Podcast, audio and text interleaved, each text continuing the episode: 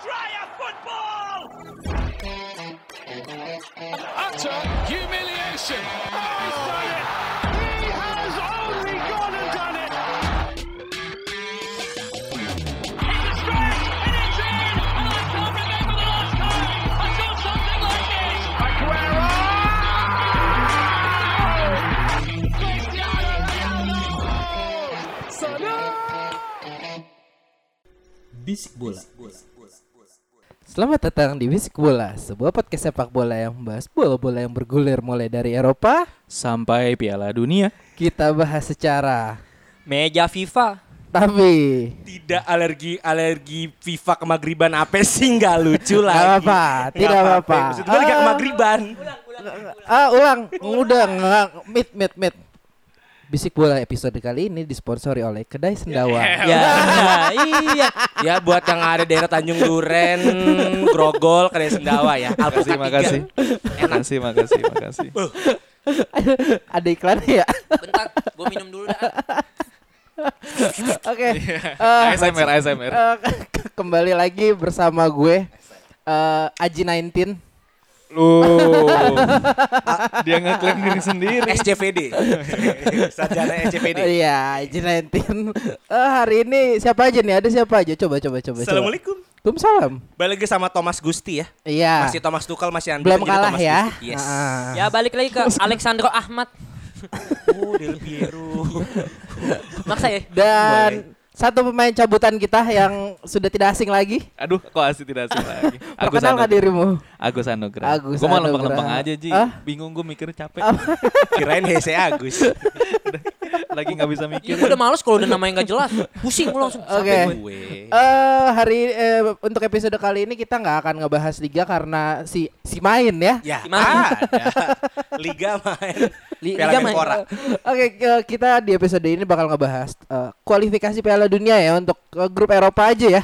Zona Eropa. Zona Eropa. Oceania Em, bagus sih, Ji. ah? Oceania bagus. Ngerti juga kagak gue Fiji lawan. Vanuatu bagus.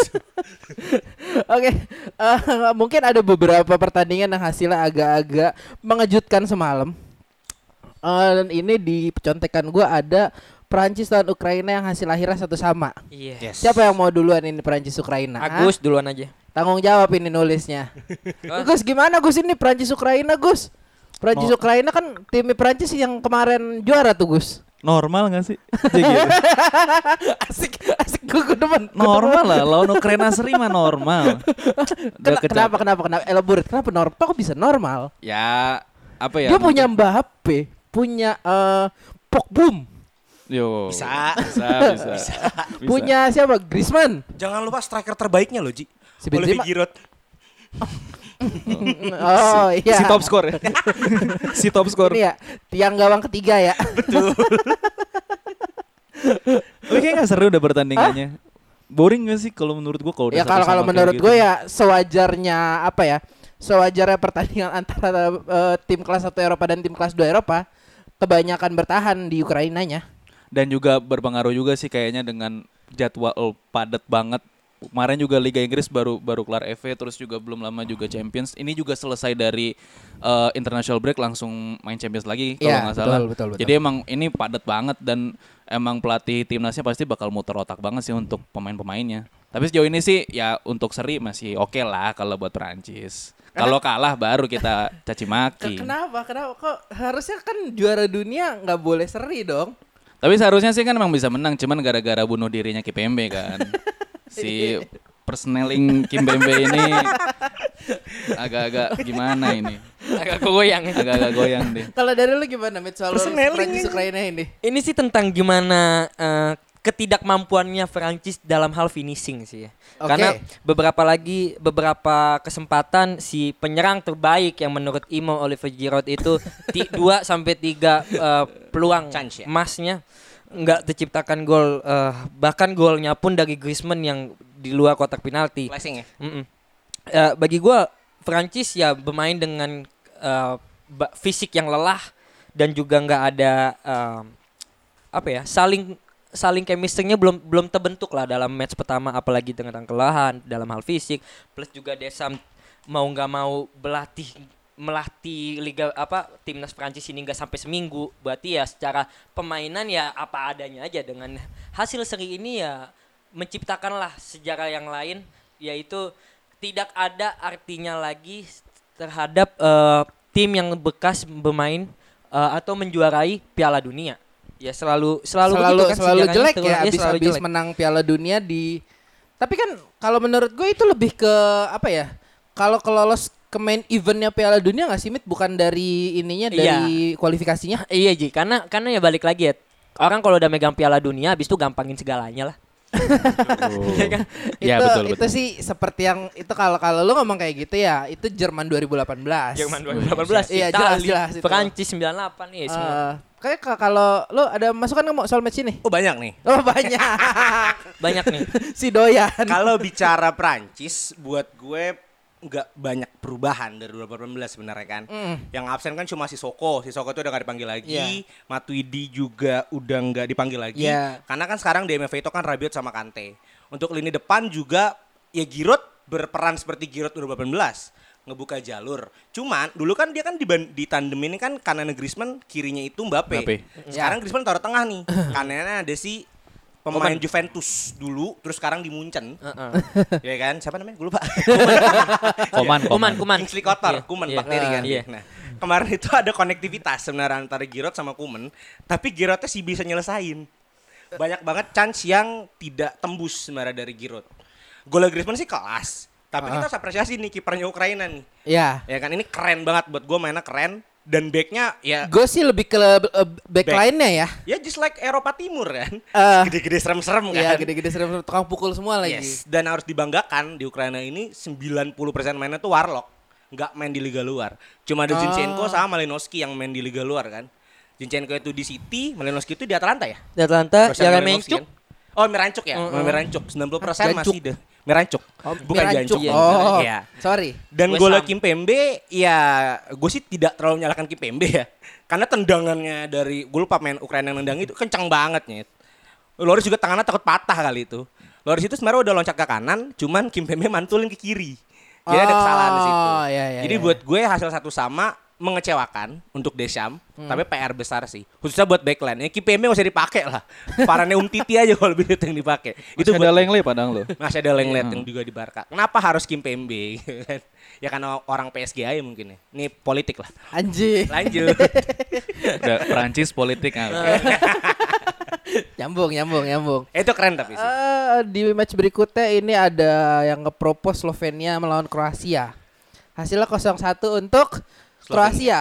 Slovenia. Slovenia. Slo- Slovenia Kro- di sini Slovenia. tulisannya ke satunya di Kroasia. Enggak. Imo tuh Imo Imo. Tolong. Imo. besok Lu besok. nulis. Oh, gue. Lanjut. Si proper. Ini eh gue gue tidak mem- jujur gue tidak memperhatikan match ini. Eh, tolong jelaskan kepada gue apa menarik ke match ini. Iya. Kayak kalau dari gue, Kroasia itu kan di 2018 kan mengejutkan ya. Bisa Iya, final. dengan dengan dengan eh, magic ke Modric itu Yes, menurut gue. Magic Modric dan juga kan penyerangnya kan su- keren banget tuh. Main Kroasia rasa Betawi, Mario Marzuki. Iya, Manzuki. Keren tuh. Oh.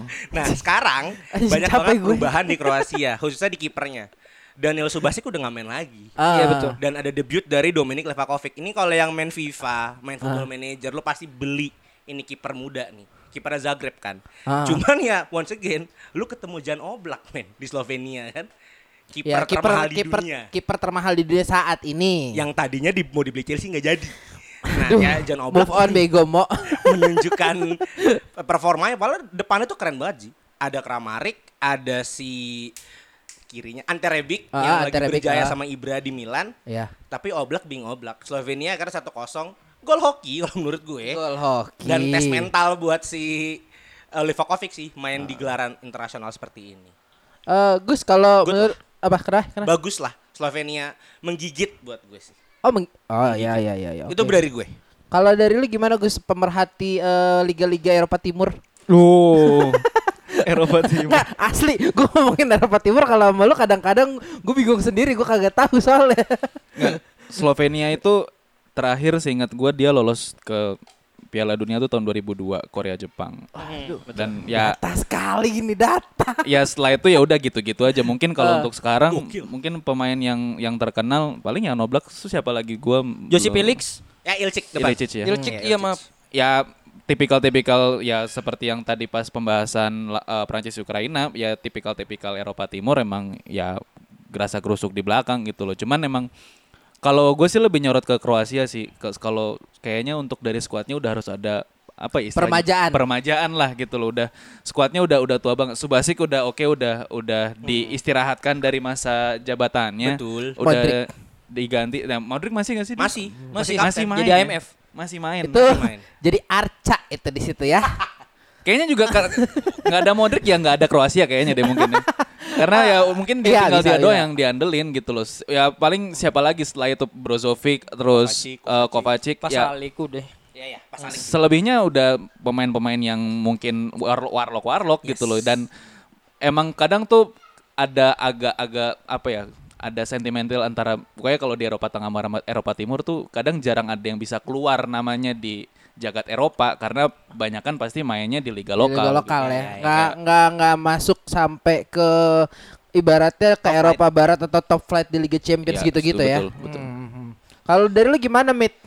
Eh, ini pertandingan yang bosan sih sebetulnya. Karena Ah, karena eh, save dari Oblak pun nggak terlihat sangat wow. Oke. Karena beberapa eh, penyerangannya Kroasia memang memang menggigit tapi bukan Kroasia di mana 2018 yang kita lihat. ya. Ini mutlak jauh banget. Luka Modric udah nggak bisa lelu- se- seleluasa yang biasanya. Bahkan dia mesti berganti peran di di mana biasanya dia berperan sebagai DMS. Ini mulai maju ke AMF.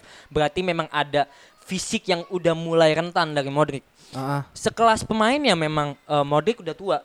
Plus yang memang re- regenerasinya Kroasia ini yang memang nggak ada. Ya, ya. Bahkan Kramaric aja tuh eh, untuk eh, backupnya dia aja bahkan mesti pemain yang lokal yang di klubnya kan. Iya. Zagreb. Dulu ada ada La- Kalinik. Ya Kalinik memang ada, teman ya lagi nggak bagus juga nih. Plus juga Mazuki udah mulai nggak ada. Bagi Iya. gua ini pertandingan yang memang membosankan. Memang eh, bola diatur oleh Kroasia. Tapi balik Oke. lagi Kroasia bukan yang Kroasia yang kita biasa lihat. Ini Kroasia jauh, jauh, jauh dari 2018. Bahkan beberapa pemain pun sekarang yang bukan pemain inti dalam timnya kan, kecuali Iya. Modric, Kramaric, Kramaric pun mesti mesti pindah dari Liga Inggris kan untuk menciptakan jam terbang yang lebih tinggi. Itu Kovacic juga gua. utama sebenarnya. Iya. Bela Itu. main tim sendiri. Iya, dong. Kovacic mungkin mungkin dari lini Subjektif. mungkin Iya, dari iya, iya, iya, iya, betul, betul, betul, mungkin betul, betul, mungkin betul, Kroasia betul. hanya lini gelandang doang yang sempurna. Selebihnya banyak faktor dari Kok, beberapa Glini gelandang. gelandang karena gelandangnya dia masih ada empat pemain atau lima Ya. pemain yang masih berkelas Budimir, Pasalik, Mod Mod Budiman. Budimir. Oh, Budiman. Eh, kalau nggak tahu dia aja. Enggak tahu saya. Entah kenapa gue udah kepikiran banget dia pasti bakal ngomong itu. Yakin banget gue. Budimir, Walaupun dalam Pasalik, absen gue ya. Brozovic, eh, Kovacic bahkan Modric dan dan setiap lini sel- selain itu ya memang eh, memang rentan lah jauh dari kapasitas Kroasia sebelumnya. Ya, Itu ya, sih. ya, ya. Oke oke oke. Eh untuk eh, selanjutnya itu ada eh, pertandingan yang cukup mengejutkan hasilnya menurut gue. Karena saat di salah satu pihak sebenarnya bisa dikatakan tanda kutip sedang mengalami generasi emas. Harusnya. Iya. Harusnya, harusnya. punya generasi emas lagi. Yes. Eh, ini ada Turki melawan Belanda dengan hasil akhir 4-2 ya. Yes. 4-2 untuk Turki. Yes. Eh, gua nggak tahu kenapa, tapi ya ini sepertinya bukan Belanda banget mengingat eh pemain muda Belanda tuh sedang jadi hot commodity di Surplus. Eropa. Eh semenjak eh sorry Ajax itu jadi Dua semifinalis itu dua tahun yang lalu ya yang kalah dari Tottenham ya. Betul. Itu salah satu semifinal yang sedih. Cuma eh, menurut gue eh menurut kalian gimana nih tentang si Turki dan Belanda ini? Gue ya. Iya, boleh. Kemenangan Turki adalah kemenangan umat, Ji. Allah. Ini statement. kemenangan umat, Ji. Tar lu, tar lu, tar lu, tar lu. Eh, Kenapa? podcast bola. Podcast bola. Maksudnya umat-umat pecinta sepak bola. Iya. ya kan? Karena sebe- sejujurnya di sini kualitas Frank de Boer dipertanyakan. Karena satu lu lu lu udah bilang tadi di awal bahwa di sini Belanda lagi surplus main muda. Ya, Ya kan let's say ada back 80 juta pound sterling nih kan yang main di tim kebanggaan kota Turin. 83, mohon maaf Tuh, 83. ditambahin sama 3 juta. Ada Deli. ah, Ya kan walaupun ya back back yang seremnya tuh yang gede tuh lagi Iya cedera masih kan. cedera kan. Sang Eh, terlepas terlepas ada atau terlepas ada atau enggaknya Van Dijk Yes. harusnya Belanda bisa lebih gigit lah. Seharusnya. Udah gitu Memphis pun main sebenarnya kan, Memphis ah. Depay yang diharapkan jadi perubah sebenarnya nih. Lalu juga ada Donyel Malan ini lagi debut terbaiknya dia di PSV ingat gue Donyel Malan ya. Iya betul. Tapi permasalahannya adalah lu kalau lihat golnya Yilmaz, Hakan Cahanoglu itu lah retak penalti semua. Iya. Itu dipertanyakan kualitasnya Jasper Cillessen. Eh tim Krul, sorry, tim Krul. Ya kan? Sedangkan nih ya Belanda pun emang lah punya masalah di kiper. Sekarang nggak ada regenerasi di kiper. Cillessen udah 30 tahun.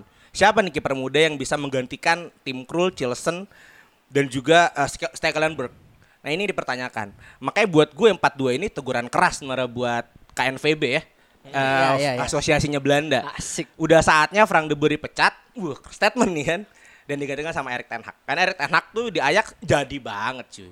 Eh kan jadi banget yang bisa jadi main Belanda. Dan buat saya sekali lagi kemenangan Turki kemenangan umat ya. Dan buat gue Burak Ilmas kemarin nunjukin bahwa dia emang striker yang punya punya nama lah. 35 tahun, boy. Iya satu tahun lagi buat Piala Dunia kan.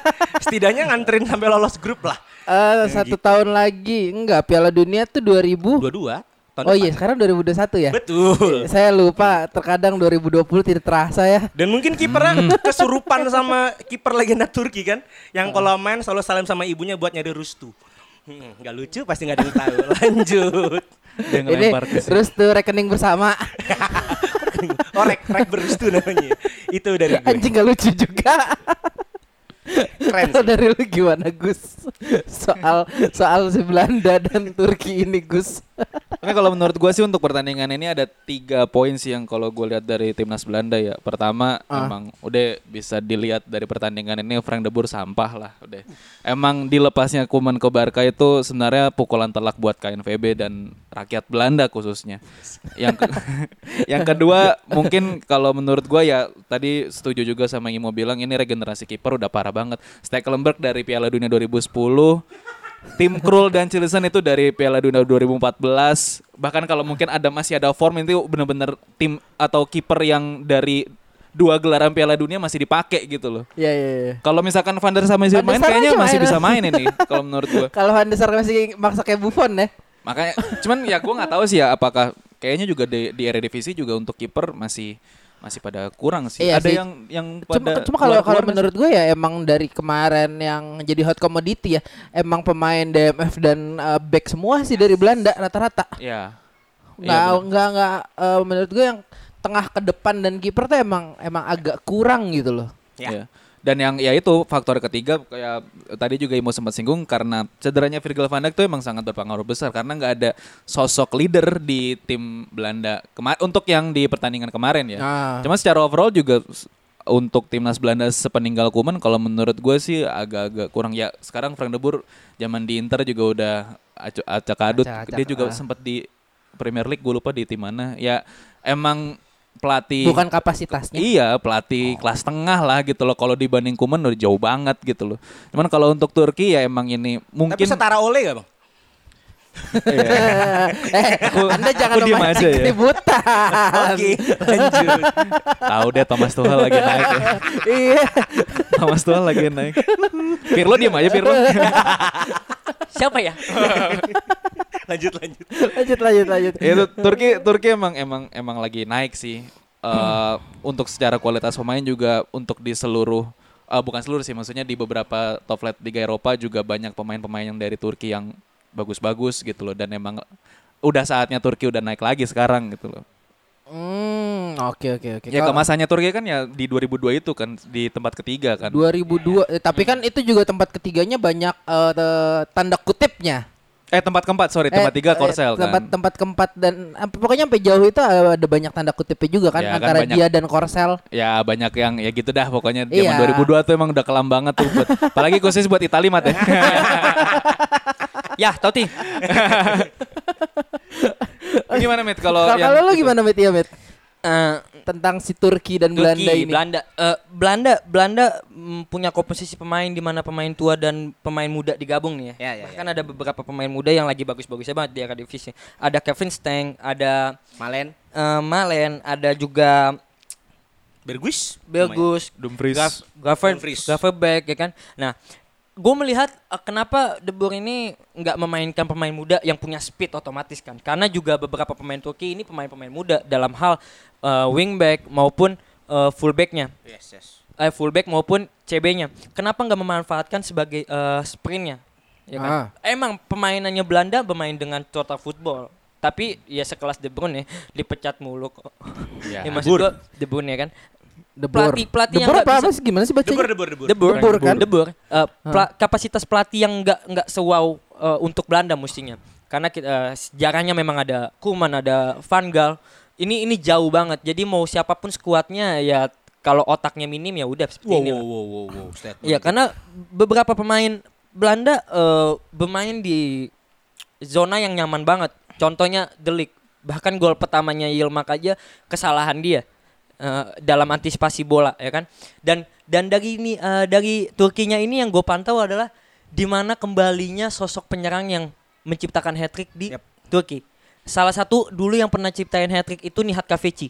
Hmm. Itu udah jauh banget. Itu salah satu penyerang tuk, tersukses bahkan 2002 pun Saya mau salah satu pemain yang bagus. iya.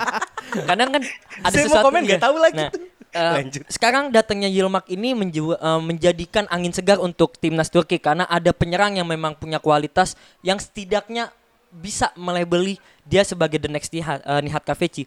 Tapi balik lagi eh, ini kegagalan Belanda yang mesti menjadi tamparan untuk dia dan yang yang paling penting adalah Turki bermain dengan ofensif yang sangat baik. Bahkan dari lini setiap lininya bahkan Kohanoglu, ada Yilmaz ini berbagi peran dalam hal menyuplai bola dan itu yang memang mesti ada di timnas ini. Yang mengejutkan Cenk Tosun nggak dipakai ya. Iya. Malah kan ya top of mind striker Turki ya Karena Tosun kan. Iya, karena Tosun juga nggak bisa ngapa-ngapain. Betul. Iya, tahun ini. Crystal Palace emang diharapkan. iya. Gini, tapi kalau lu boleh memilih satu nama pelatih untuk menangani timnas Belanda eh, di kualifikasi ini, lo akan menugaskan siapa? Selain Kuman? Gue Van One Gaal. and only Ten Hag. Gua kembali akan Van Gaal. Karena Van Gaal yang memang punya jiwa dalam hal Belanda. Terlepas dari itu semua, dia selalu punya sejarah yang baik ketika dia menangani Belanda maupun eh, tim-tim dari Belanda. AZ Alkmaar, Oh, yes, Ajax. yes, yes. Ah, dan ini ini yang dibutuhkan Belanda sebetulnya. Even gue yakin apa Van Gaal juga oga ya. Yes, yes. Karena terlalu banyak kasus di Belanda ini. Iya, iya. Ya, iya. Ayo, Kalau gue siapa Ten lagi? Hag sih. Ten Hag. ah. Karena Ten Hag itu kan punya kepercayaan sama pemain muda. Oke. Belanda ini lagi surplus main muda sebenarnya kan. Hmm. Sedangkan De Boer kemarin Hah? Sila masih mainin Stekelenburg, masih mainin Chilson ya kenapa? Sedangkan seinget gue di Belanda pun juga ada beberapa gue lupa nama-namanya. Cuman karena gue main FIFA banyak banget eh, kiper-kiper Belanda nih yang yang potensial gitu. loh. Dan buat gue kalau ada Ten Hag setidaknya dipercaya nih. Dipercaya buat main main, main muda. Berani nge- ngangkat pemain muda ya Betul, berarti ya, ya. seperti Gareth Southgate di Inggris kan dia berani Iya, iya, iya. meng- memanggil pemain muda sedangkan ya ya dia tahu potensi potensi ya Te- Ten Hag buat gue men- mencukupi lah buat melatih eh, Belanda Oke. Erik Ten Hag sih kalau buat gue Kalau lu gimana Gus? Jet Bejer Con ya katanya oh, bukan Dijawab gue siding. Anjing. Tapi ya kalau kalau untuk saat ini Ah. dengan dengan eh, pilihan pelatih-pelatih Belanda yang sekarang ada ya gue setuju sama Imo sih untuk Erik Ten Hag. Cuman Enggak, enggak, enggak usah enggak usah pelatih lain, pelatih lain juga enggak apa-apa. oh pelatih luar negeri boleh Oh, boleh, terserah Jajang. Iya, si gila. Cuman masalahnya Belanda selalu suka dengan pelatih yang Iya, berkebangsaan. Belanda. Kita kan berandai-andai Iya. aja di sini. mungkin kalau mau KNVB mau gila kayaknya Jose Mourinho deh. wow Malah, malah, malah gue melihat sesuatu hal yang mewah ketika Pep Guardiola datang. Karena Ya. karena tiki taka itu bermula dari total football Oh, kan? iya, iya, iya, iya. Dan itu yang sangat sangat baik sih. mengembalikan tiki taka ke ini ya, ke fitrahnya Iya. kan. Iya, Ya kan iya, Pep iya. Guardiola kan menuhankan Johan Cruyff banget Iya, kan. iya, Jadi menuhankan banget. harusnya Guardiola harus ke pusaranya lagi. Iya. Iya, iya, iya. Tapi yang paling bagus Dendel sih Ji Hah? biar sistemnya Rodi latihan parah Anjing, tiba-tiba masuk ke situ. Apa nggak Cakep Jan Peter. Zunkun? Atau Cornelis de Hotman? oh gue pengen nyebut lupa lagi tuh. lanjut Anjir Panarukan ya Gus ya. udah, udah, udah. Podcast bola. betul Nah, untuk selanjutnya kita mau bahas ini nggak nih? Preview nggak nih? boleh Eh, itu review tadi, sekarang preview. Oh iya bener Iya. preview. Eh mau bahas apa dulu nih? Banyak nih pertandingan anjing. Hmm, oh ini Yang penting-penting aja. Serbia lawan Portugal. Eh ini sebenarnya kalau Serbia lebih ke tadi sebelum kita ngetek ini sih lebih ke ada ada teman kita yang sangat bersemangat sekali dengan timnas Serbia ini ya. Betul. Apalagi dihadapkan dengan timnas Portugal yang hmm, bisa dibilang tahun ini kekuatannya sepertinya lumayan. Anda bukan salah, Serbia bukan lawan Portugal, Ji. Apa sih? Wolverhampton. Oh iya anjing. Anjing baru nyadar gua. Maksud Serbia lawan Wolverhampton anjing. Iya iya. Iya iya iya iya iya. Eh, oh iya ba- banyak ya pemain yang di sana ya. Mayoritas. Gue lupa. Eh, tapi kenapa Mit yang membuat lo tertarik dengan Serbia lawan Portugal ini? Ya, eh, ini ini pemain pemain yang syarat pengalaman dari kubu Portugal bertemu dengan pemain-pemain mudanya Serbia yang yang notabene memang di atas kertas mungkin Portugal diuntungkan, tapi jangan kita lupain Serbia ada beberapa pemain yang potensial banget dalam hal penyerang. Vlahovic, Vlahovic ini salah satu Vlahov, Vla, iya, Vlahovic. Vlahovic. Vlahovic. Iya, Vlahovic. Vlahovic ini pemain salah satu pemain Fiorentina yang pemain muda di umur 20 tahun yang menjanjikan dan bahkan menciptakan gol yang terus-menerus di Fiorentina. Ada juga Savic, ada juga Tadic, ada Luka Jovic. Ini ini skuad yang memang lagi bagus-bagusnya banget. Mungkin kita melihat ini empat tahun yang lalu di Belgia. Iya, Iya kan?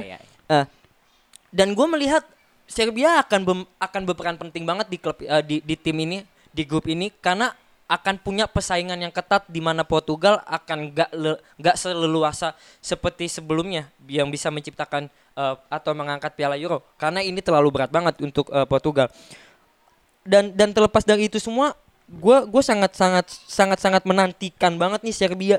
Karena di balik itu juga ada beberapa pemain yang memang menurut gue yang sangat syarat potensial banget untuk menjadi eh, yang menjadikan Serbia menjadi calon juara ya bagi gue karena di situ dalam hal penyerangan ini Vlahovic ada Mitrovic ada Tadic ada Luka Jovic, ada Savic. Ini beberapa pemain yang memang punya kualitas. Ah, dan main lumayan produktif sih ya di klubnya Iya. masing-masing. Iya Ah. dan ini sangat produktif dan gue dan dan dan beberapa catatan ini juga dia bermain secara ofensif kan Ah. dan dan pasti dalam hak kreativitas dalam menyerang ini akan lebih enak untuk ditonton dan Tapi kalau dari Portugal gimana, Mat? dari Portugalnya gue akan melihat ini sesuatu hal yang bisa menciptakan sebuah masalah untuk Portugal karena kita tahu Portugal ini Portugal ini tengah ke depannya bagus loh. lini- Parah. nah lini tengah ke depan Uh-uh. bukan lini tengah ke belakang Tapi kan bisa ngegolin banyak kalau ini tengah ke depannya ba- bagus. Nah, masalahnya Ji, Ah. masalahnya Serbia ini pemain yang syarat dengan penyerang-penyerang baik. Mitrovic, Tedic, Iya, dan tadi seperti udah- ya, udah lu yang sebutin tadi, bilang. ah. Bahkan ada beberapa pemain kreatif juga di lini gelandang. Ah. Nah, bagi gua Portugal memang punya punya pemain yang sangat luar biasa dari gelandang maupun ke penyerang. Ah. Dan dan selalu mengandalkan Ronaldo dong.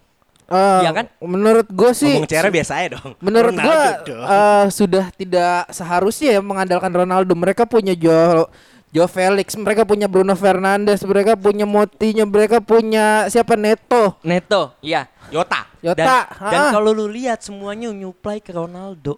Betul. Iya, em- kan? ya, Nah. em- memang memang Nah. memang sekarang kita ngomong pelatihnya, Nah. tapi ya mari kita berandai-andai Nah, sekali lagi. Ser- Serbia ini salah satu pemain yang eh, salah, salah satu tim yang suka banget bertarung di Iya. mana dia bermain dengan fisik. Iya. Dan Iya, Ronaldo seperti ketika- sebagaimana nah, tim iya. Eropa Timur lainnya. Iya. Ronaldo akan selalu kewa- kewalahan ketika ada pemain beberapa yang bermain dengan fisik. Nah, tapi kan kalau mereka menutup se- seorang Ronaldo dengan dua tiga pemain, pasti ada pemain-pemain yang lain yang bebas dong. Dan ini pasti antisipasi Serbia yang akan selalu punya antipi- antisipasi beberapa pemain Serbia yang udah pasti akan ada tancepannya di lini gelandang. Salah satunya. Savic ya, itu ya. berperan penting dalam hal gelandang maupun kreatif dan bertahan. Yap, yap. Dan gue melihat beberapa gelandangnya Serbia ini memang yang tipikalnya box to box.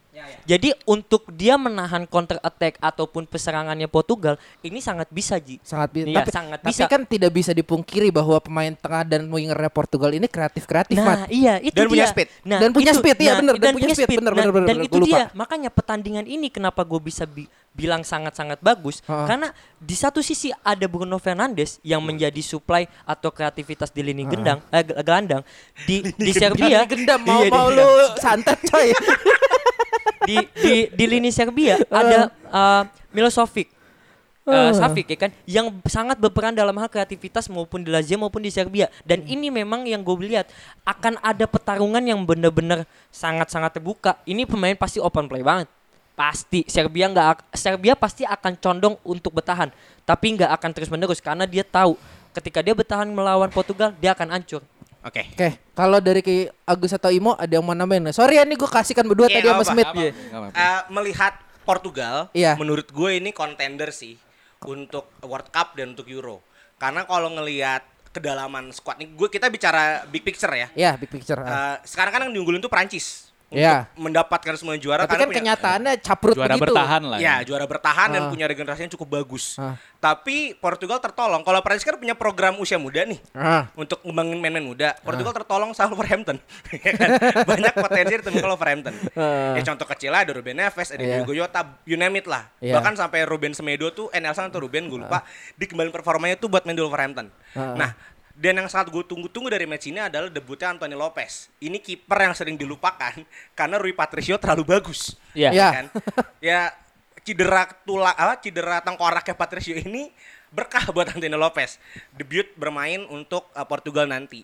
Nah kalau bicara Serbia, kalau secara di atas kertas menurut gue masih menang Portugal. Iya. Iya, jelas. Karena dari lini back uh, Serbia, gue tadi ngelihat ya si ada tim yang gue tahu gitu kan.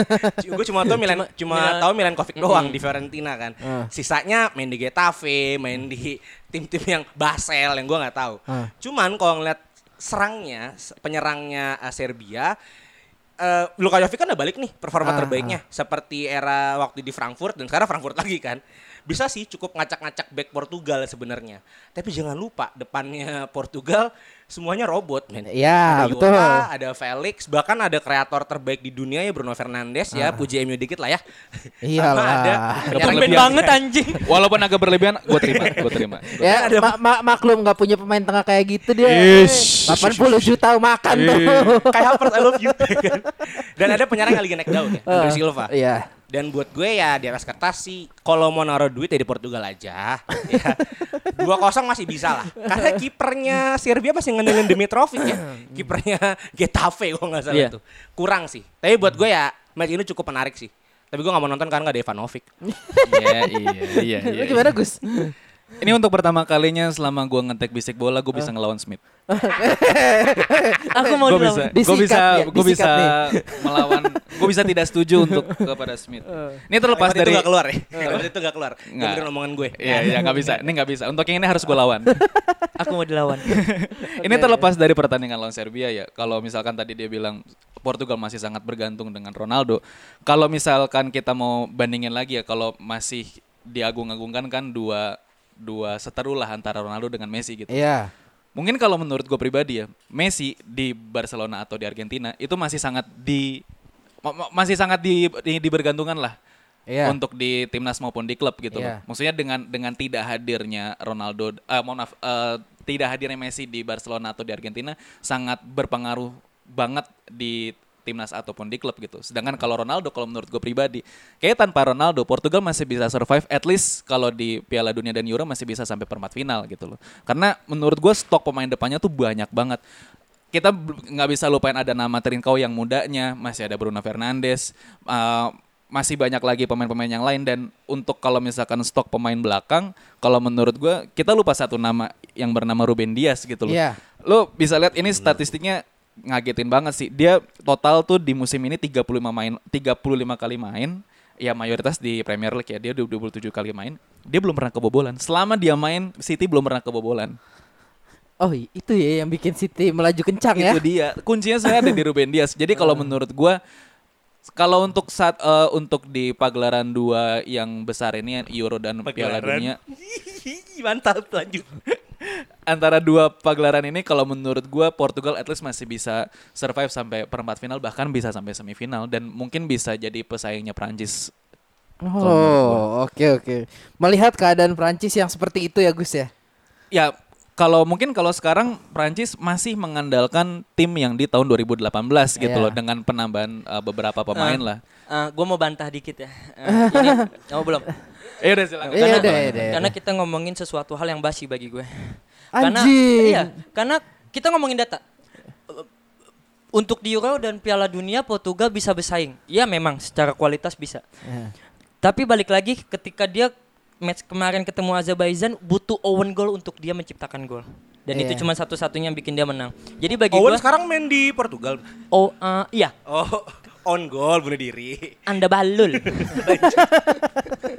ya, bagi gua eh, di sini di sini di sini yang memang menjadi tameng buat gua kenapa gua berperan pen, eh, gua melihat Serbia bisa mengacak-ngacak Portugal. Karena balik lagi, Portugal ketemu Azerbaijan bisa menciptakan gol dan itu dari own goal dan itu cuma satu-satunya gol yang bisa dia bikin menang. Dan bagi gua mentalitas Portugal itu ada di Ronaldo.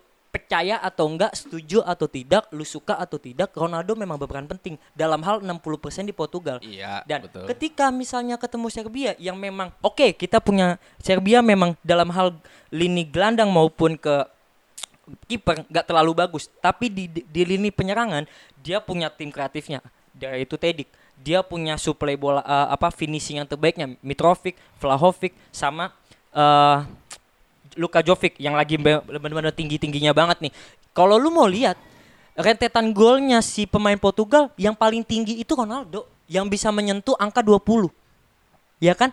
20 Ronaldo. Iya. Jadi bagi gua ketika satu pemain ini yang selalu disuplai bola melawan tiga pemain yang bisa ciptakan gol, chance-nya itu di Serbia, Cok. Ya memang ada Ruben Dias. Memang ada Ruben Dias, tapi bagi gue ada atau tidak Ruben Diasnya ketika Serbia bisa berperan penting dan bisa mem- meminimalisir kesalahannya dalam hal counter attack-nya Portugal, gue yakin dia akan melaju dengan mulus untuk melawan Portugal. Berarti kalau udah kayak gini, kalau gue ngomong sudah saatnya Portugal tidak bergantung dengan Ronaldo dan membuat Ronaldo menjadi orang biasa, bener nggak? Nah itu dia kan tadi. Benar, Dengan tim yang seperti ini, benar, tapi masalahnya tidak akan terjadi. iya kan itu tergantung pelatihnya Iya. nanti.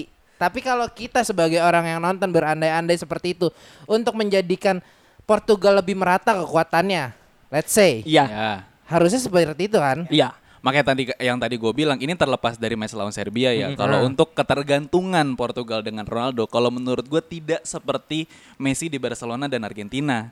Karena kalau menurut gue, ya sekarang kalau kita mau ngeliat rataan pemain di Argentina dengan di Portugal masih masih di atas kertas kalau menurut gue masih di atas Argentina untuk tim Portugal di di masing-masing lini ya karena di kedalaman skuadnya pun juga gila-gila kalau Iya. menurut gue Portugal 2016 gitu. aja bisa kok juara Dan Euro iya, tanpa betul, CR. betul. Iya. Eh, ya meskipun CR harus ada di pinggir lapangan dalam tanda kutip ya. Jadi pelatih. Tapi dia bisa juara eh, Euro menurut gue itu udah salah satu langkah yang baik untuk mer- mulai meremajakan skuadnya Portugal. Iya. Sudah. Iya, s- memang udah udah permanjaan udah. Bahkan ada ada statement yang keras banget nih ngomongnya. Portugal dengan me- dengannya eh, dengan finalnya ada Ronaldo di Portugal, Portugal tidak akan menang.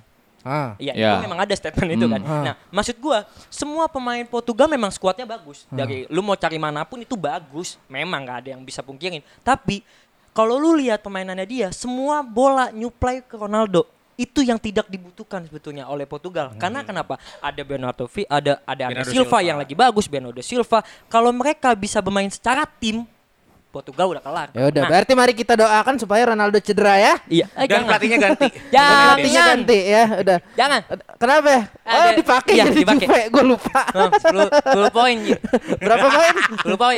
10 poin. Jauh yang ngejar ya. Nah, 10 poin. Oke oke oke. Eh, itu untuk eh, Serbia sama Portugal. Eh, ada eh, kedu- ada lagi ini eh, Ceko sama Belgia. Ceko Belgia. Siapa yang mau mulai duluan Ceko Imo. Belgia? Saya boleh. Oh ya. Kenapa mau? Kayaknya lu bersemangat dengan Ceko dan match Belgia. yang Mo. sentimental buat saya. Ada Courtois dan Hazard di sana. Dua pemain yang merantau jauh ke Spanyol dan goblok salah satunya. Hazard cedera tolol. Alhamdulillahnya. kan? nah kalau ngeliat Ceko, sebenarnya Ceko tahun ini menurut gue seperti Ceko zamannya ada Rosicki, ada Peter Cech, ada Nedved. ya kan? Imo tahu. Anjing. Karena kalau kita bedah nih dari dari kiper Jan Koller masih main Tar- nggak? tar- tar- tar- Jan Koller Milan Baros masih main. Main loh. terakhir tuh kayaknya. Nah, Itu 2004 bukan si Gus. Kita tanyanya nih, backnya siapa mau? Ah, yang gede pokoknya itu gak tau gue. It's Flalusi. Uch Valusi Milan tuh nggak salah. Eh salah Inter. Eh Galatasaray, Galatasaray bagus. Iya iya iya iya. kita kalau beda dari skuadnya itu ada kiper yang kemarin sebenarnya dibantai sama Barca ya yang Sevilla tuh Thomas Vasilik itu lagi regen banget lagi up upnya banget Thomas Vasilik itu main di La Liga dan jadi kiper yang diperhitungkan di lini tengah ada pemain West Ham Thomas Socek DMF yang menurut gue efektif bahkan isu-isunya tuh jadi top 5 defensive midfielder di Liga Inggris Ya. ya kan dan ini buat gue momentum Ceko bangkit sih bangkit banget untuk bisa menghadapi eh, di Euro nanti. Apalagi ada penyerangnya. Ini sebenarnya pemain lama yang sempat naik tapi akhirnya menurun. Itu ada Matias Vidra. Buat gue ya ini potensi, potensi untuk gimana nanti Ceko bisa bertanding. Lawannya cukup berat. Belgia yang sampai detik ini masih to- eh, nomor satu di FIFA ranking. Cuman Oke. kan Belgia masalah cuma satu, Regen. Menurut lo masih bagus di FIFA ranking, tapi apakah pemain-pemain mereka mereka sudah banyak kehilangan pemain generasi emas 2014-nya loh. Betul. Cuman kalau dilihat dari ya sebenarnya masalah ada di back Ji. Masih mengadakan Vertonghen, Alderweireld yang Ada, udah ada Vela ini nggak? Ada Vela ini nggak? Vela ini kayaknya udah mulai eh, mau jadi pelatih. udah nggak ada gitu. Cuman ya Ah. ada potensi, ada harapan di wingernya kan.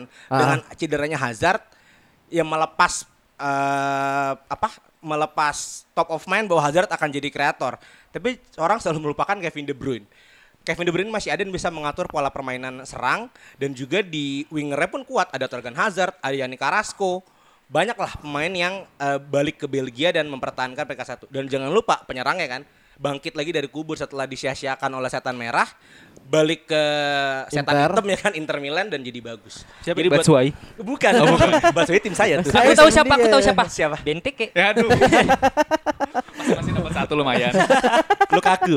Oh, Lukaku. ya. Cuman kalau mainnya beban sih. Ah, gini, Karena gini, ada adiknya main. Gini, gini. Kalau kalau kita ngomong eh, De Bruyne main ya berarti eh, motor serangan akan ada di De Bruyne, kreasi akan ada di De Bruyne. Apakah ini akan mengubah eh, pola permainan Belgia secara garis besar?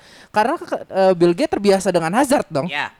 Apakah ini akan berpengaruh dan bisa membuat eh, Belgia lebih shaky atau malah lebih solid Se- dengan skuad yang sekarang? Sejujurnya Dengan kalau De Bruyne sebagai pusat per- pusat dunia ya ibaratnya pusat gitu lah. dunia. Sebenarnya kan Hazard itu penghubung kan Ah. antara passing De Bruyne buat ke Lukaku. Ah. Tapi jangan lupa mereka punya eh, pemain yang cukup poten bukan potensial bahkan orang yang sering dilupakan tapi ini strikernya cukup bagus.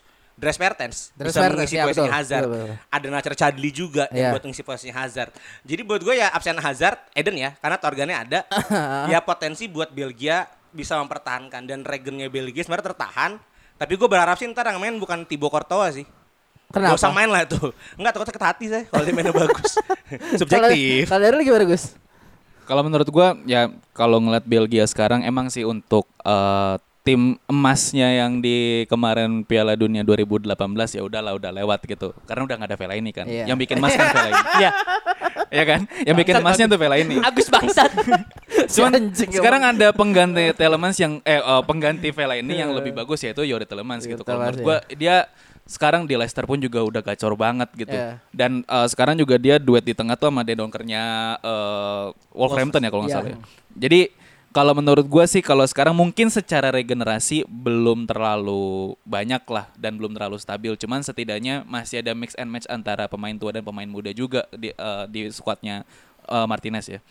Dan untuk Oh iya Martinez masih pelatihnya. Martinez. Oh iya. Dan untuk depannya pun juga masih bagus banget. Eh, Maksudnya benar kata Imo, Brendan Martinez tuh masih bisa jadi penyokong untuk Lukaku di lini depan di lini serang. Bahkan gitu. sempat golin 2-0 loh, law- eh 2 gol loh lawan AC Milan. Semangat loh dia. Mas Mertens. Lanjut, Iya. lanjut, lanjutin aja Mat, Iya. lanjutin aja Mat. Eh, Agus lagi. Oh, udah. ya, eh, Belgia, Ceko. Ini kalau lu tahu ya zaman 2006 ya kan Piala Dunia. Ini timpalnya sangat keras, Cok. Di mana Ceko diunggulkan, tapi Iya. inilah sepak bola ya balik lagi. Sekali ini tahun ini Belgia yang sangat diunggulkan. Apakah ada Dewi Fortuna, Mit?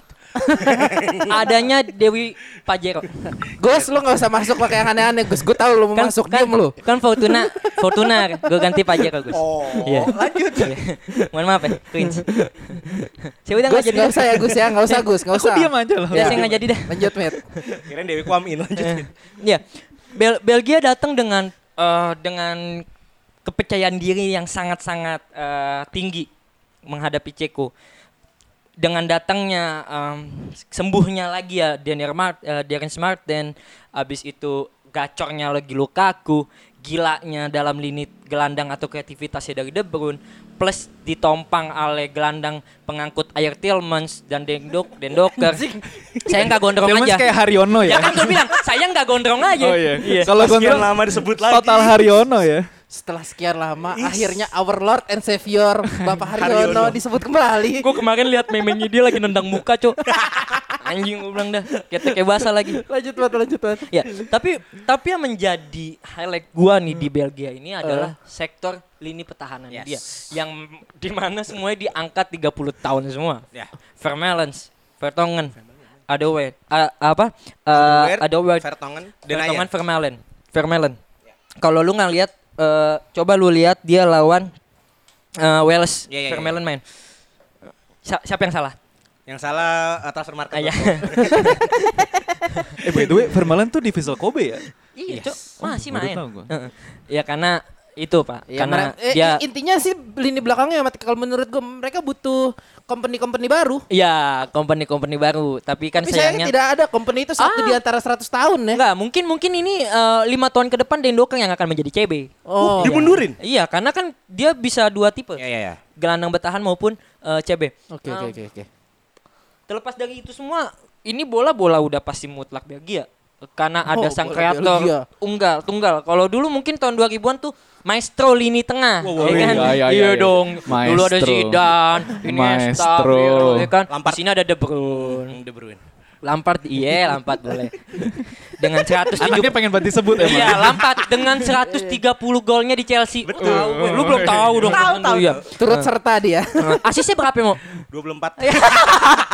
Padahal gue nggak tahu. Ya, ya, ma- maksud gua eh, Si gelandang. Asis 24 si dan, gelandang. dan dan kita jangan jangan jangan luka, jangan lupain juga ya. Ketika Bentaku eh, Lukaku tidak bisa menciptakan gol, di situ ada Benteke maupun Batshuayi. Iya kan? Bentakur Belgia. masih ada masih ada egois-egois kepemilikan loh. Bentakur disebut. Maksudnya anjing. Benteke, gue tahu. Itu kan Uruguay Bentakur. Iya, Pleset lanjut. dia. Pleset Benteke, Christian Benteke. Di mana sih tuh mainnya deh? Crystal Palace ya. Ya. Palace, Dan dan jangan lupain juga uh, ada beberapa pemain muda dari Belgia yang memang lagi bagus-bagusnya banget di dua tahun yang lalu ya. Ya, ya. Pride. Ya, Pride, Pride, Pride. uh, itu bagus banget di Sampdoria sampai akhirnya ke Wolves uh, jelek. Leicester. Eh Leicester ya jadi jelek. Abis Kastanya itu pun juga, ada jatuhnya Januzak. uh-uh. regenerasi kan Kastanya Iya, iya. gantiin Minir. Dan yang masih cakep itu Mignolet. Iya, iya. Iya 09 soalnya. Mignolet. Mikrolet. Eh, oh iya maaf. Lanjut. Oke. Eh tapi Nah. adanya adanya Lukaku tuh back kan ya? Enggak enggak tahu gue. Jordan. Masih main Coba, cuman coba, nggak coba dipanggil Pak. Oh nggak dipanggil ya? Iya. Dia back kan tapi? Ya, Be- Jordan. eh, LB Oh left back. sempet di inian mana Lazio. Lazio. Nah, Oke. tapi yang gue highlight di sini Ceko, Cok. Ceko punya pemain yang sangat-sangat eh, lagi bagus banget lagi Nedved kan? top perform banget.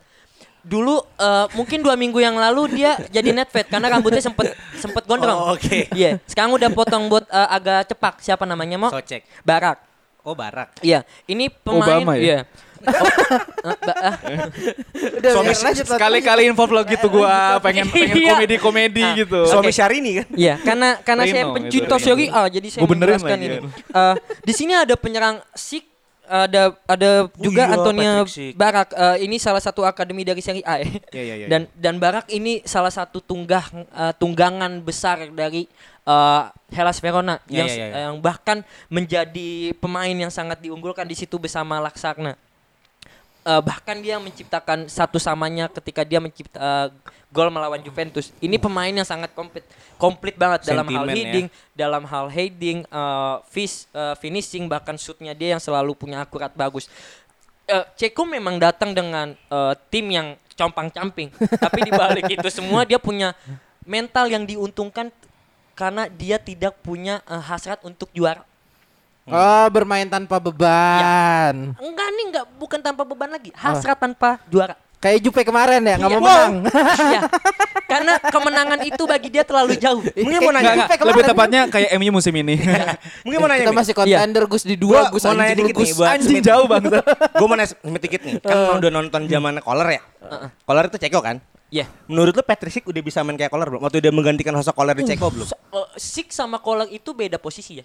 Kan CF. Eh, CF kan bukan berarti punya eh, fungsi yang sama. Karakteristik Oh, perma- pemain berarti mau. Eh, Hah. Anda pencipta Lanjut, dangdut Tapi belum berarti gak bisa menggantikan. Tidak bisa karena uh, Sik itu pocher dan Oh. uh, kalau ki- bahasa yang lu tahu aja Lekolak itu pemantul. Target man. Di mana dia bisa menyuplai atau mengasiskan Milan Baros maupun Osiki, Nedved, oke, oke, ya, oke, oke, beberapa oke. pemain lagi. Peter Cech juga bisa golin tuh. Ah, ah, bisa golin. Ah, lu gila. Nah, mungkin di sini yang menjadikan em, pemain-pemain yang berkualitas dari Belgia akan sangat eh, concern ke permainan Antonio Barak maupun si Sik. Oke. Karena karena kecenderungan pemain tuanya di lini belakang ini yang bikin Munier akan selalu eh, turun ke belakang Oke, oke, oke, oke. karena tidak punya speed dan Nah. dan dan ini menjadi eh, pertandingan yang mungkin akan akan dimenangkan Belgia. Oh, oke oke oke. Simpelnya gitu aja. Belgia ya kira-kira ya. Tapi. Ceko punya perjuangan yang keras. Nah, terakhir nih eh, untuk review eh, apa sih? Preview. Eh, ini ada Norwegia lawan Turki. Turki se- seperti sudah dibahas tadi, sedang oke. Tetapi Norwegia menurut asli ya, ini gue tahu cuma Halan doang loh. Halan Martin Odegaard. Ya Dari itu dah, itu dua aja. Ini siapa yang masukin di materi? Tolong Saya. tanggung jawabnya. Silakan Mamat. Ya saya ya. Eh, eh. Kenapa gue Dari sekian banyak match Norwegia Ih, Turki Norwegia Turki. yang di Gak apa apa gak apa. Apa-apa Mungkin gue duluan, Gak apa-apa gua sih. Mit. Coba, coba, coba, coba, coba, coba, ya, yang yakinkan kami. Nyoba duluan. Kapten tolong dong, suruh belajar kapten. Gue gue gue nyoba duluan nih Ji. Gue nyoba Iya, duluan. iya, iya, iya. Norwegia sendiri emang lagi disupport sama ada trio pemain muda yang cukup naik sebenarnya. Ada Erling Haaland, ada Alexander Sorloth, dan juga ada Martin Odegaard. Sebenarnya ya. Hmm. sebenarnya.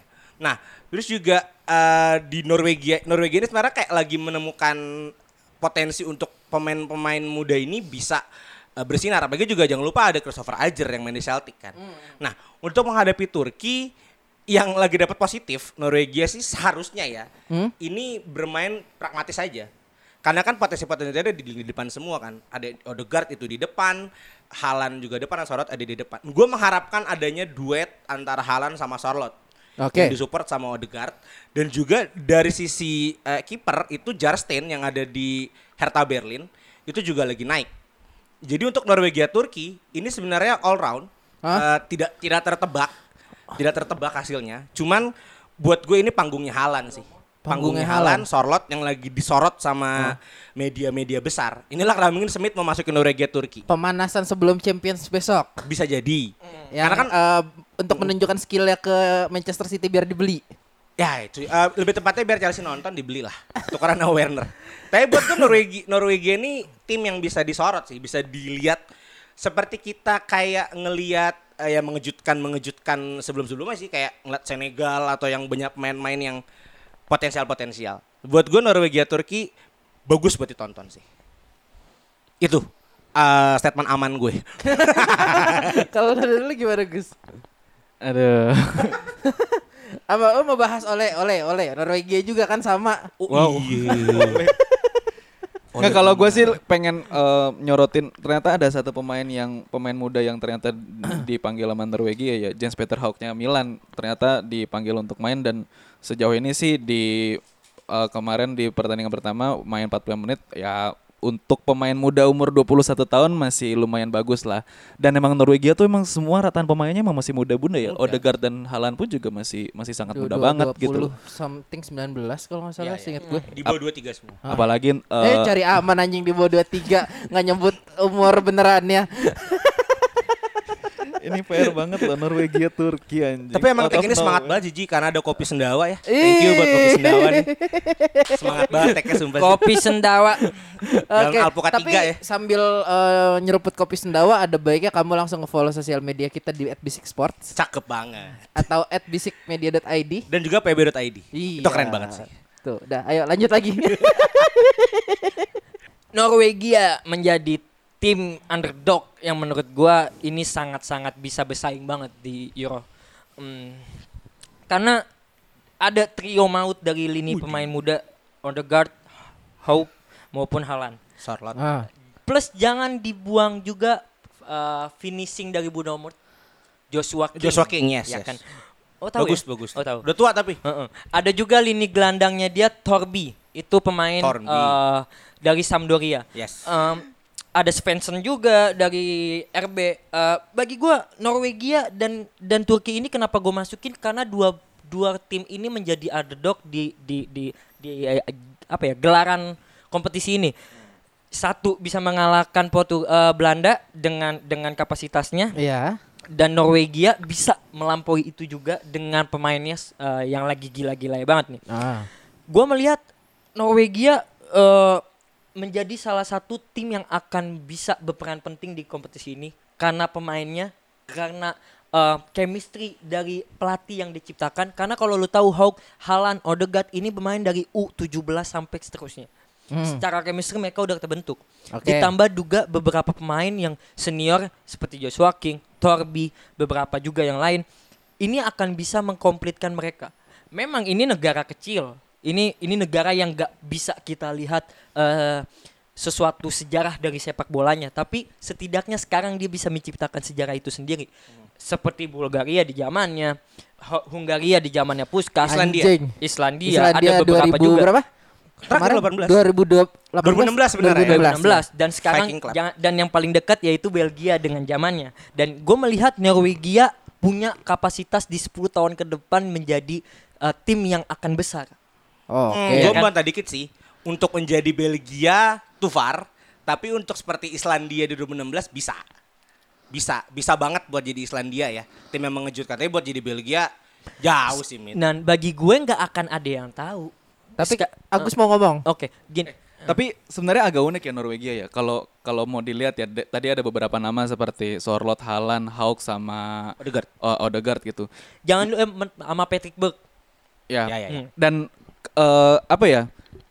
Ini agak Norwegia agak unik ya karena dia pemain pemain-pemainnya tuh mayoritas muda dan mereka sudah main di top flight Liga Eropa dan bahkan sudah kadang Punya ada nama beberapa semua. Punya nama dan masuk ke tim utama Iya. gitu. Tim utama semua cok Lain kalau misalkan mungkin waktu fenomena Belgia dan Islandia eh, mereka biasanya bi- eh, dari dari tim-tim bawah terus biasanya pada migrasi kalau nggak ke Jerman, Swiss atau misalkan Prancis baru mereka masuk ke top flight yang liga eh, top 5 yang liga Prosesnya. Eropa gitu. Pro, ada prosesnya. Cuman kalau yang sekarang tuh gua nggak tahu ya apakah ini karena zaman udah maju banget dan sekarang juga harga pemain gila-gilaan mereka masih under 23 tapi mereka udah udah bisa bersaing di bahkan Haaland udah udah gila banget di Dortmund eh Odegaard juga main di Madrid dan sekarang di Arsenal gitu loh dengan umur segitu maksud gua ini gua nggak tahu strategi dari bisnis sepak bola Norwegia kah atau gimana gue juga nggak tahu sih agak unik aja kalau menurut gua dengan Mungkin gua nama-nama itu jawab dikit ya. Jangan lupakan fenomena Odegaard. Waktu umur 15 tahun dia jadi fenomena kan sampai seorang Madrid mau ngerekrut Odegaard. Menurut gue di sini Norwegia melihat bahwa ada pembibitan main muda yang harus dibentuk. Ya akhirnya muncullah seorang Sorlot, Haaland, Ajer yang dibuat sama si Norwegia. Tapi yang gue sangat kecewa, jangan lupakan tiga tahun lalu Sander Berge, Sander Berg nih yang waktu itu mau dibeli Liverpool, dibeli Chelsea, akhirnya milih Sheffield dan sekarang tenggelam dan apa yang nggak dipanggil sama timnas. Nah buat gue kalau menjawab itu, menurut gue, eh, gue sebenarnya Norwegia ini sebenarnya membibit main-main mudanya, tetapi ya memang fenomena Haaland sih, tertolong fenomena Haaland sama Odegaard yang akhirnya jadi harapan. Jadi kalau tapi kalau untuk menjawab Smith ya Belgia masih jauh lah. Islandia mungkin iya, seperti Islandia mungkin iya. Untuk- mengejutkan beberapa musim. untuk ibaratnya mem- apa membina pemain muda, gue masih oke gitu loh. Cuman maksud gue yang umur masih segitu, Oh, iya. yang mungkin biasa di fenomena sebelumnya mainnya masih di Swiss atau masih di liga-liga Eropa Timur, Iya, iya, iya. ini udah bisa mencuat sampai ke top 5 yang Liga Eropa gitu ya. Nama Milan, Dortmund dan eh, Arsenal Leipzig. ya na- nama-nama besar Yes, gitu yes. loh. Dan mereka masih under 23 masih udah udah bisa membuktikan bahwa Iya, iya. mereka bagus gitu loh. Itu yang yang unik dari bahkan eh, sela- menurut gua unik gitu. lebih int- ya, intens apa ya lebih instan daripada pemain Belgia Ya, sendiri ya, ya. bahkan Iya. kan dan jangan dilupain juga ada Sorlot maupun Elionorsi ini pemain, ini ini pemain yang memang udah punya jam terbang tinggi ditambah juga pemain yang speed dengan pemain-pemain mudanya ini Haaland eh, beberapa pemain mudanya Men- menjadikan sebuah eh, tim yang memang komplit secara mental dia memang nggak ada panggung yang bagus cuman dalam segi pemainnya individunya dia punya sebuah kapasitas Oke. Haaland ini menjadi properti yang mahal cok Iya iya ya Iya, pasti kayak lah ya udah fenomena ya. Haaland sih Iya. udah kayaknya itu faktor gede, gede banget. plus Haaland juga diuntungkan dengan Hauk amapun uh, adapun Odegaard sih untuk di tim ini ya setidaknya dia tidak seperti Lewandowski lah Iya. ya kan Iya. itu aja sih Oke oke oke. Ya sepertinya eh, cukup sampai di sini ya episode kali ini ya. Yes. Eh Tapi menurut gue Turki itu kemarin eh sorry Iya. dilihat main ada Turki ada Serbia ada itu orang selalu lupa ada pema, ada penyanyi dangdut Indonesia yang keturunan dari Montenegro Ji waduh Apaan tuh? Zaskia Jovetic Main yang selalu nolak. Ojo, ojo, Oh ojo. itu maksud lu ya?